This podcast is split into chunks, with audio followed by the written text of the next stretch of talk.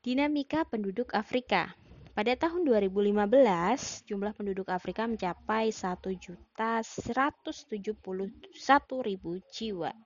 Angka tersebut bertambah sekitar 265 juta jiwa dari jumlah penduduk tahun 2005 yang berjumlah 906 juta jiwa.